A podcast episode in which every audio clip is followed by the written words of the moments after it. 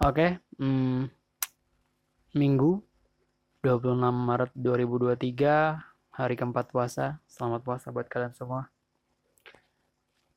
Eh, hari ini gue mau ngomongin soal selingkuh.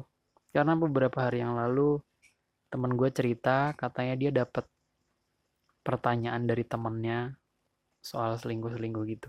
Jadi pertanyaan temennya tuh, apa sih ciri-ciri cowok atau orang yang nggak bakal selingkuh? Terus temen gue bingung jawabnya gimana. Terus dia buka cerita itu dan tanya ke gue dan teman-teman lainnya. Terus gue bilang ya nggak ada men. Ciri-ciri orang yang bisa pasti kita pastiin orang atau nggak bakal selingkuh gitu ya. Nggak ada apa ciri-cirinya. Terus dia mulai nyari dia nyetup orang yang moralnya bagus kali gitu. Gak juga gue bilang. Orang yang moralnya bagus belum tentu dia nggak selingkuh nggak ada hubungannya. Orang yang ustadz pesantren juga belum tentu nggak cabulin anak pesantrennya kan gitu. Jadi nggak nggak ada hubungannya. Jadi apakah cowok yang bucin tidak bakal selingkuh? Ya nggak juga gitu menurut gue bisa aja bucin tapi dia juga tetap selingkuh. Ya bisa aja kan gitu. Nah uh, menurut gue menurut gue nggak nggak ada ciri-ciri yang pasti dari seseorang bisa kita pastiin dia nggak bakal selingkuh gitu. Nggak nggak ada satupun. Misalnya lo lihat diri lo gitu. Oke lah taruh lo orang yang nggak bakal selingkuh. Apa ciri-cirinya? Baik. Apa? Sangat mencintai pasangan? Iya. Banyak juga orang yang bilang katanya sangat mencintai tapi tetap selingkuh gitu nah menurut gua nggak ada ciri-ciri pasti orang yang kira-kira ah bakal selingkuh gitu. Jadi buat lo cewek atau cowok yang mikirin ini terus gitu nggak ada men. Ya udah lu jalan aja sama orang. Kalau dia nggak selingkuh ya udah bagus. Kalau dia selingkuh oh ya udah gitu. Maksudnya poin gue tuh setidaknya lo tahu bahwa tidak ada satupun orang di dunia ini yang bisa lo pastiin bahwa dia tidak akan selingkuh. Lo sadarin itu aja.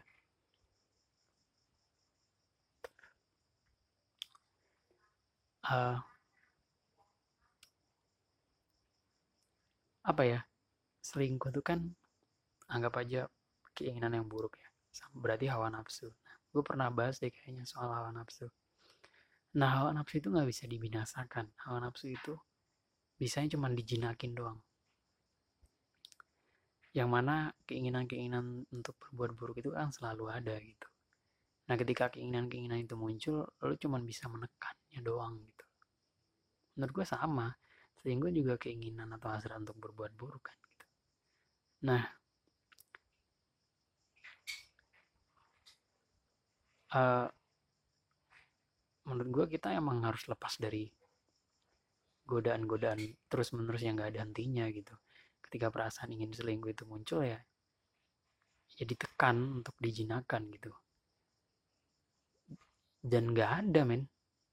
Kita bisa mastiin siapa yang tidak akan selingkuh siapa yang kuat imannya siapa yang bisa mengendalikan hawa nafsunya nggak ada men. Mungkin cowok-cowok tatoan yang kita anggap preman mungkin dia bisa aja nggak selingkuh. Jadi nggak ada hal yang pastinya gitu. Jadi yang perlu ditekan ini adalah ya tidak ada hal pasti. Jadi lu jalanin aja kalau lu ketemu sama orang yang oke. Okay, ya udah lu bersyukur. Kalau nggak oke okay, ya udah. Berarti dia nggak aja gitu. Mau dalam konteks pacaran ataupun menikah menurut gue sama aja. Misalnya dalam konteks pacaran nih. Ya kemungkinan juga sama dan bahkan terlalu banyak gitu. Uh, mungkin orang-orang yang selingkuh jadi tidak selingkuh itu cuman cuman persoal legal atau tidak legal aja. Kayak selingkuh itu kan kalau dalam satu hubungan itu kan ilegal ya. Gimana dia menjadikan legal ya? Kalau kita udah punya perasaan terhadap orang lain suka terhadap orang lain atau tertarik atau ingin memiliki orang lain selain pasangan kita maka sebaiknya kita menyudahi dulu hubungan kita yang ini lalu kita memulai hubungan yang lain. Maka lu jadi tidak selingkuh karena kalau lo nggak mutusin dulu terus jalan sama orang lain itu namanya selingkuh. Persoalan status doang sih sebenarnya. Tapi persoalan keinginan dalam hati lo dalam pikiran lo nggak ada nggak ada bedanya sama aja menurut gue itu persoalan status legal atau nggak legal aja. Dalam pernikahan juga sama aja sih menurut gue kalau seseorang punya ketarikan terhadap orang lain dalam hal apa pun ya seksual perasaan obrolan apa pun gue nggak ngerti ketertarikan yang dia punya hasrat untuk memiliki orang ini. Menurut gue sih udah udah kategori selingkuh. Nah untuk supaya itu tidak menjadi selingkuh ya lu harus cerai dulu sama istri dan meninggalkan keluarga lu. Baru lu bisa memulai hubungan yang lain. Soal perasaannya tidak ada bedanya menurut gue soal cara melakukan melegalkan statusnya doang sih menurut gue kenapa lo bisa disebut selingkuh atau tidak selingkuh? Nah ini saran gue buat orang-orang yang doyan selingkuh. Tapi kan alasan orang selingkuh ada banyak hal ya. Banyak kan sih namanya keinginan berbuat buruk tuh ya nggak pernah puas gitu.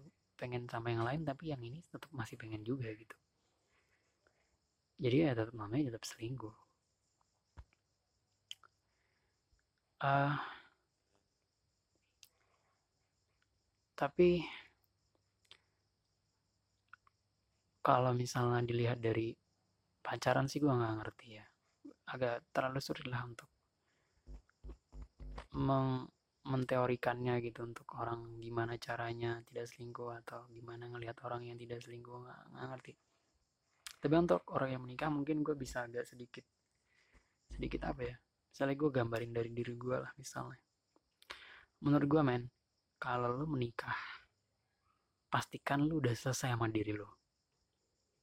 Pastikan lu udah selesai sama cerita-cerita semua hal hal-hal buruk yang lu lakuin ketika lu belum menikah. Lu harus selesai sama diri lu dulu baru lu putusin untuk menikah. Itu bukan untuk memastikan lo nggak bakal selingkuh ya itu untuk meminimalisir kemungkinan-kemungkinan lu bakal selingkuh. Jadi lu harus selesai sama diri lu kalau lu belum selesai mendingan jangan nikah. Mendingan lu pacaran aja bisa selingkuh sana sini atau lu nggak usah pacaran lu bisa jalan sana sini. Tidak merugikan banyak orang tidak risikonya nggak terlalu besar gitu. Beda sama dengan pernikahan karena lu ngajak orang untuk hidup bareng lo kan. Jadi kalau lu belum selesai sama diri lo menurut gua ya nggak usah melakukan pernikahan. Itu step awal sih menurut gua. Step awal untuk memulai pernikahan dan mencoba untuk tidak selingkuh.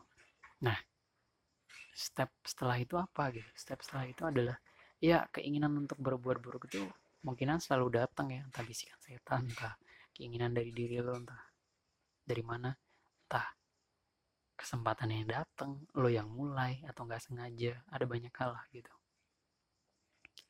Iya, di dia di situ di situ uh, apa ya keimanan terlalu uh, di situlah di mana hasrat untuk berbuat buruk lo diuji gitu. Ketika kesempatannya datang ada banyak orang yang datang atau ditaksir orang atau suka sama sesuatu atau apa pun lah gitu. Di situ di situlah keinginan hasrat untuk berbuat buruk lo itu diuji untuk oke okay, gue ambil atau enggak permasalahan uh, permasalahannya adalah ya kita harus lepas dari godaan demi godaan gitu. Belum berarti lepas dari godaan yang satu lo dianggap lo orang yang tidak selingkuh ya. Ya next nggak tahu kan apa yang akan terjadi lagi. Tapi yang menurut gue dalam percintaan untuk tidak selingkuh ya lepas dari godaan satu ke godaan yang lainnya dan tidak ada di, bisa dipastiin uh, uh, ciri-cirinya atau gimana gimananya terus kita bisa nilai orang ini oke okay, tidak selingkuh baik tidak ada. Lo cuma bisa lihat orang gimana nanti ketika dia udah mati kalau belum mati ya kita nggak bisa pastiin karena terlalu banyak kemungkinannya. Uh, bapak-bapak umur 50 atau kakek-kakek yang punya istri aja bisa aja tetap selingkuh ya. Kita nggak pernah tahu alasannya apa. Bisa aja gitu. Jadi tidak bisa dipastiin sampai orang itu mati. Jadi mungkin sekali lagi gue tekenin nah ciri-cirinya tuh tidak ada. Yang lo perlu tekankan ke diri lo adalah kemungkinan untuk orang berselingkuh tuh selalu ada. Jadi kalau lo dapat yang oke okay, ya bersyukur. Kalau enggak ya udahlah gitu. Terus uh, kalau lo ingin menikah untuk meminimalisir perselingkuhan lo harus selesai sama diri lo uh, kita nggak akan pernah tahu orang itu oke okay atau tidak sampai dia mati eh itu aja untuk hari ini. Buat lo yang mau nanya-nanya soal apa pun untuk gue diskusiin sendiri atau bareng teman-teman gue lo boleh kirim ke email gue cerita cicil at gmail.com thank you cuy